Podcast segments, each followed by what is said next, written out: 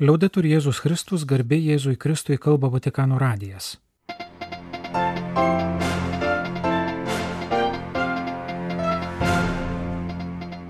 Malonus klausytojai šioje programoje. Popiežiaus audiencija Škotijos bažnyčios moderatoriai, katalikiško charizminio arba atsinaujinimo dvasioje judėjimo dienos Romoje ir judėjimo palidovo kardinolo Raniero Kantalamesa, popiežiaus namų pamokslininko sveikinimo žodis 31 eilinio sekmadienio Evangelija bei komentaras.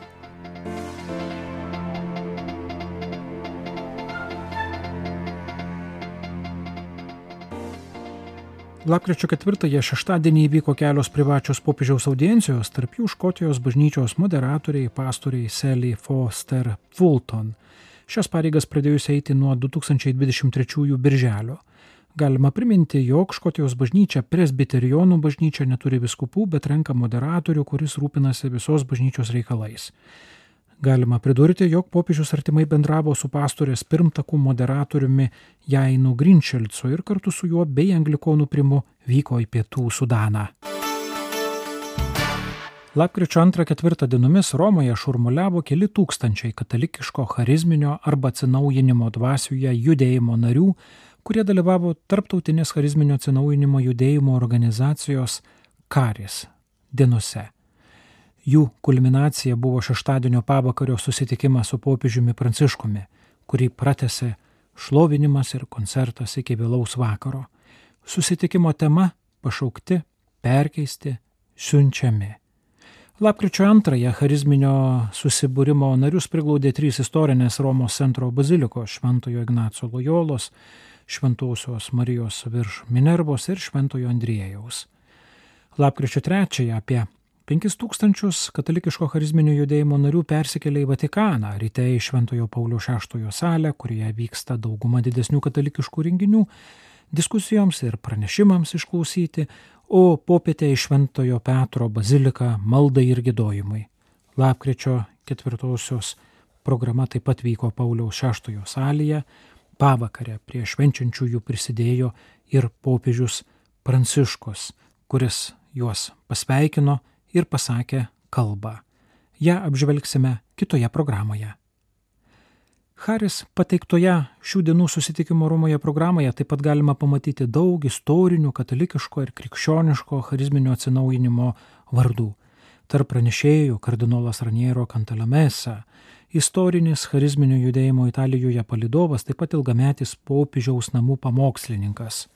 Renginio dalyviai galėjo išgirsti patį Mansfeld, istorinę charizminio judėjimo figūrą Junktinėse valstijose. Ji nekarta yra liudijusi apie patirtą charizminio judėjimo terminologiją šventosios dvasios išleimą arba krikštą, jau tolima mums 1967 vasario 18 dieną. Tuo metu jauna 19 metų katalikė studentė jautė, jog norėtų stipriau išgyventi tikėjimą ir vienose rekolekcijose, kurių tema buvo paštalų darbų knyga, ėmė melstį patirti tai, ką patyrė paštalai ir kiti žmonės šventosios dvasios atsiuntimo metu. Tuo pat metu abejodama, kad kažkas ypatingo įvyks, bet viešpats atsiliepė. Parklupau prieš išvenčiausiai ir pradėjau drebėti, pajaučiau gyvą Dievo buvimą, norėjau sprukti, bet dar labiau pasilikti ir atiduoti save Dievui. Meldžiau, tėve atiduodu savo gyvenimą tau, ko paprašysi, priimsiu. Išmokyk mane eiti paskui tavo sūnų Jėzų ir mylėti taip kaip jis. Po šios maldos suvokiau, kad esu ant grindų, jutau, kad esu panardinta į Dievo meilę, nenusipelnyta ir dovanota veltui, pasakoja pati Mansfeld. Pasak jos tuo metu ji taip pat pagalvojo, jei ji galėjo tai patirti, gali patirti bet kas. Taip pat pakvietė į koplyčią kitus studentus ir apie pusę iš jų išgyveno tą pačią sukreičiančią bei perkeičiančią patirtį. Tai patirti jį kviečia ir dabar. Į katalikiško charizminio judėjimo narius taip pat kreipėsi Mišel Moran iš Junktinės karalystės, taip pat viena iš judėjimo lyderių, anglikonų kunigas Niki Gambelas, vienas iš daug gyvenimų pakeitusio alfa kursų kuriejų, Škotijoje gimęs, bet nuo paauglystės Kanadoje gyvenantis katalikų kunigas Džeimsas Malonas, daug vaisių duodančio parapijinio dieviškojo atsinaujinimo programos pradininkas. Kita istorinė figūra iš Meksikos - pamokslininkas Jose Prado Flores, daug kitų. Pasak kardinolo Raniero Kantalamesa Kapucino, rengdamas pranešimą šių dienų susitikimui Romoje, jis norėjo kalbėti apie ištakas, įsiklausydamas į apaštalo Pauliaus patarimą Timotiejui, pasak kurio žvilgsnis atgal padeda atgaivinti malonę. Bet šį pradinį ketinimą palengva nusvėrė kitas pranašo Izaijo ištartas patarimas. Daugiau nebesiremkite tuo, kas buvo, nebemastykite apie tai, kas seniai praėjo. Štai aš kuriu naują dalyką jis dabar jau reiškiasi, negi nematote. Katalikiškas charizminis judėjimas per ko ne 60 metų nuėjo ilgą kelią. Taip pat bažnyčios gyvenime nuo toleruotino reiškinio iki remiamos ir skatinamos tikrovės. Jis davė daugybę naujų dalykų, bet popiežius Pranciškus prašo nesustoti ir dažnai kalba apie tris uždavinius - prisidėti prie evangelizavimo, darbuotis dėl vargstančiųjų, veikti dėl krikščionių vienybės. Viešpaties dvasia ant manęs, nes jis patepė mane, kad nešiau gerąją naujieną vargdieniams. Šie Jėzaus žodžiai susijęjantį šventosios dvasios veikimą ir Evangelijos skelbimą ypač gerai suprantami charizminio judėjimo nariams. Pontifikato pradžioje, primena kardinolas, popiežius Pranciškus paragino visus krikščionis, kad ir kur, bei kokiomis aplinkybėmis jie gyventų, šiandien pat atnaujinti savo asmenišką susitikimą su Jėzumi Kristumi ar bent pasiryšti leisti jam mūsų sutikti, kasdien nepaliaujamai jo iškoti. Nie vienas neturi pagrindų manyti, kad šis kvietimas ne jam. Pasak pamokslininko, šiuose, rodos tokiuose paprastuose apaštalinio paraginimo Evangelijai gaudim žodžiuose yra naujovė, lyginant su praėjusiu amžių katalikų silovada ir dvasingumu, išplaukusiu iš to, kas ne visai tiksliai vadinama kontrareformacija Ilgą laiką buvo įtariai žvelgiama į tokį būdą suvokti išganimą dėl subjektivizmo rizikos, beje pagristos, kai tikėjimas ir išganimas suprantame tik kaip individualūs faktai nesusiję su tradicija ir bažnyčios gyvenimu.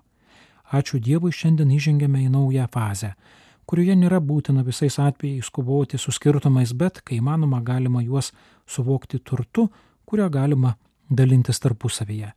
Šiame kontekste reikšmingi Pranciškaus žodžiai apie asmenišką susitikimą su Jėzumi Kristumi, pabrėžiantis ne vien tikėjimo gavimą iš šeimos, bet asmenišką apsisprendimą.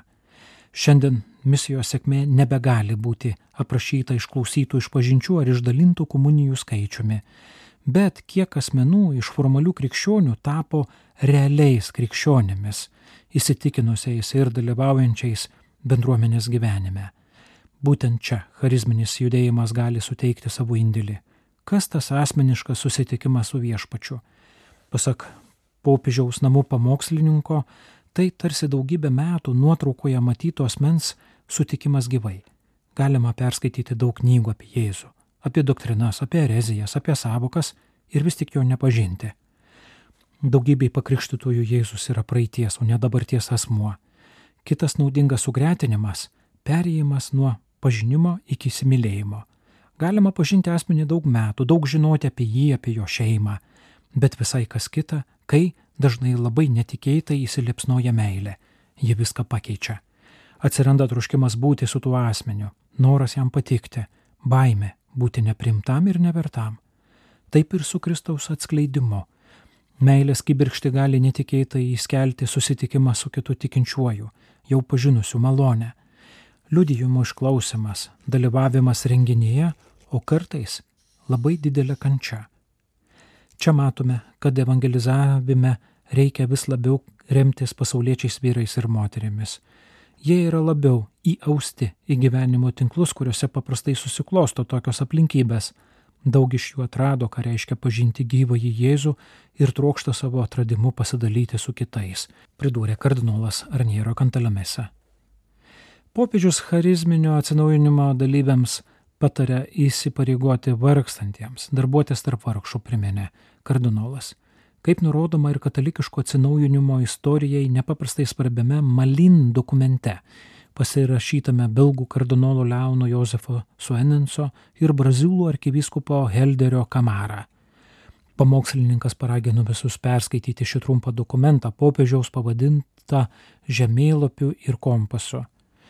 Dokumentas atsirado tuo metu, kai bažnyčioje vyravo dvi srovės. Viena pabrėžė dvasinį gyvenimą ir maldą, o kita socialinį veikimą ir žmonių išlaisvinimą iš skurdo. Tačiau šių dviejų srovių autoritetai, dvasinio prado srovę atstovaujantis kardinolas Uenensas ir socialinėme veikime labai įsipareigojęs arkivyskupas Kamara, kartu, sutartinai ir nepaprastai aiškiai išryškino, jog abu šie akcentai yra neatskiriami nuo Kristaus Evangelijos. Malin dokumentas yra tikras gidas charizminio judėjimo nariams ir ne tik, su juo verta susipažinti visai bažnyčiai. Jis toks pat aktualus kaip ir tada, kai buvo parašytas praėjusio amžiaus 80-metyje, nors polarizacijos jau kitos. Daug šio dokumento ir jų autorių pranašiškų išvalgų atsispindi popiežiaus pranciškaus mokyme. Trečioji popiežiaus katalikiško atsinaujinimo dvasioje judėjimui patikėta užduotis yra krikščionių vienybės skatinimas – Galima pasakyti, kad jis nuo pat pradžio įsiūtas į judėjimo DNR, mat gimė ir vystėsi bendruose krikščionių, katalikų, sekmininkų, protestantų maldos susitikimuose. Šventasis sostas anksti juose išvelgė Dievo atsakymą į įvairius poreikius. Ypač kardinolas Walteris Kasperis, kai vadovavo popiežiškajai pasauliečių tarybai, pabrėžė dvasinį ekumenizmą, kuris lydi doktrininį ir įpučia pastarajam gyvybingumo Niekas nebejoja, kad krikščionių susiskaldimas ir tarpusavio kovos silpnina Evangelijos skelbimą. Jūs daug tikėjotės, bet gavote mažai.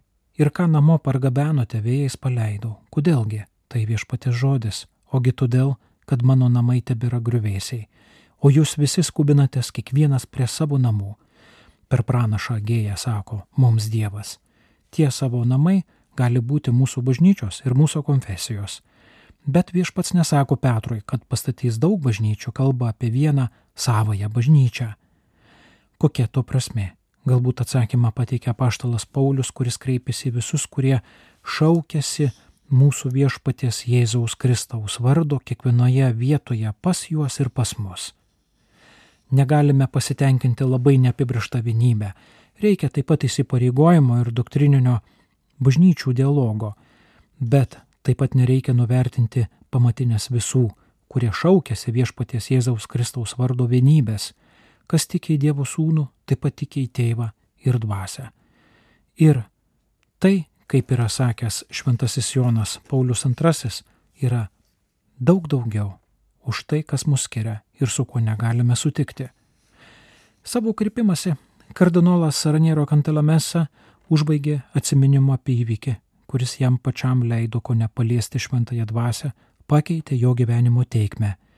40 tūkstančių įvairių krikščionių konfesijų narių ir šlovintojų susitikimą 1977 m. Liepą Kanzaso miesto Junktinėse Amerikos valstijose stadione, nugriovusi daug vidinių sienų. Kaip yra sakęs kita proga kardinolas, į šį susitikimą jis nuvyko kaip stebėtojas, kaip Saulis, o grįžo kaip Paulius.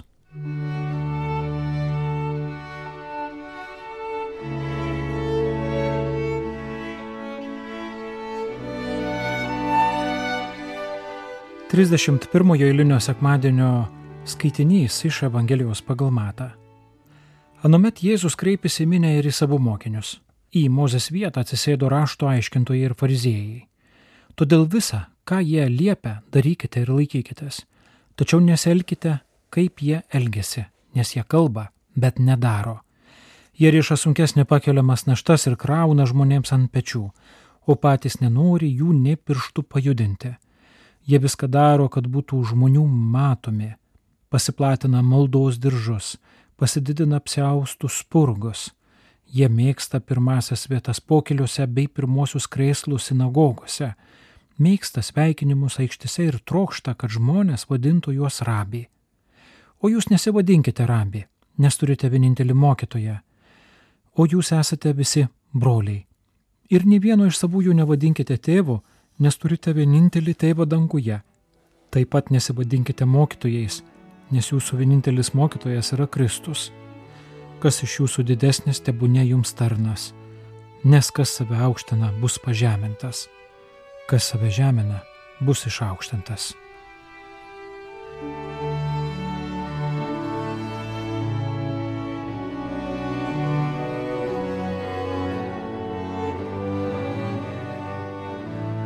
Mėly klausytojai, skaitome monsinjoro Adolfo Grušo komentarą apie ganytoją, kurio laukia žmonės. Tikriausiai reiktų sutikti, jog fariziejų raugo pakanka visais laikais. Nekartą susidurėme su situacija, kai tikintieji visiškai teisėtai priekaištauja savo dvasios vadovams, kad jie nevykdo tų reikalavimų, kuriuos pateikia žmonėms. Dažnai tai tampa netgi savotišku pasiteisinimu, norint išsisukti iš vienos ar kitos priedermės, kurią reikia įvykdyti ir kuri tikinčiųjų nuomonė pažydžia jų teises. Visa, ką jie liepia, darykite ir laikykitės, tačiau nesielkite, kaip jie elgesi, nes jie kalba, bet nedaro. Šie išganytojo žodžiai drąsina ganumuosius, tačiau kartu tampa priekaištų ganytojams, kurie kartais pasimeta, nelabai žinodami, ko iš jų laukia žmonės. Jie juk tokie patys žmonės, pajutę savyje Dievo kvietimą ir išdrysę į jį atsiliepti, tačiau likę kartu su savo jausmais ir silpnybėmis. Tad ko gero šiandien ir verta sustoti ties klausimu, ko tikintieji laukia iš savo ganytojų. Nemanau, kad iš kunigų jie reikalautų nepaprastos tobulybės, būtent visiško atitikimo tarp žodžių ir darbų, mokymo ir kasdienio gyvenimo, patarimų ir praktinių pavyzdžių Jeigu leidimas skelbti Dievo žodį būtų griežtai priklausomas nuo visapusiškai pavyzdingo elgesio, nei vienas kuningas neturėtų teisės praverti burnos ir bažnyčių sakyklos liktų tuščios. Išimti sudarytų šventieji. Tačiau ir šiuo atveju nebūtų kam kalbėti Dievo vardu, nes bet kuris šventasis nežino, kad jis toks yra ir laiko save vienu didžiausiu nusidėliu. Tikintiesiems jau pakirėjo pamokslininkai, abejingais veidais kalbantis apie aukščiausius dalykus ir net nemėginantis suprasti žmonių rūpešių, bijantis net mintimis prisertinti prie vargo ir skausmo. Tikriausiai pakaktų, kad kunigas kalbėtų apie tai, ko jis pats siekia ir stengiasi, nors tos pastangos ne visuomet vainikuotos sėkme. Kunigų pasitikima netuomet, kai jis kalba apie nepasiekiamas aukštybės, bet kuomet jame pačiame galima matyti ieškantį, vargstantį, dvasioje kovojantį su savo silpnybėmis žmogų, kuris, kad ir suklubdamas nenustoja, kopęs aukštyn, o padaręs klaidą turi nusižeminimo tai pripažinti. Toks kunigas išgirdęs kritiką savo atžvilgių nelėpė kritikuojančiajam tylėti, sakydamas, jog šis nieko nesupranta ir negerbė vyresniųjų. Jis sutinka kalbėtis, diskutuoti, netampa vien kaltintojų, bet sugeba visą kritiškai viską įvertinti, nevengdamas tapti ir kaltinamoju. Tai, ką girdime iš kunigo lūpo, niekada negalės būti absoliučiai patvirtinta darbais, tačiau pakanka, kad jo darbe galima justi nuširdų tikėjimą, sumišusi su skausmu ir liūdėsiu, kilusiu dėl to, kad jis supranta tą milžinišką disproporciją. Tikintieji nelabai noriai klausosi griežtų pamokymų ir nurodymų, skelbiamų savo neklaidingumu įsitikinusio asmens. Jie nereikalauja, kad kunigas pateiktų savo šventumo liudėjimą. Jiems pakanka jausti, jog tai žmogus, besistengintis ir nesiliaujantis stengtis tapti geresniu, draugė su savo ganumaisiais.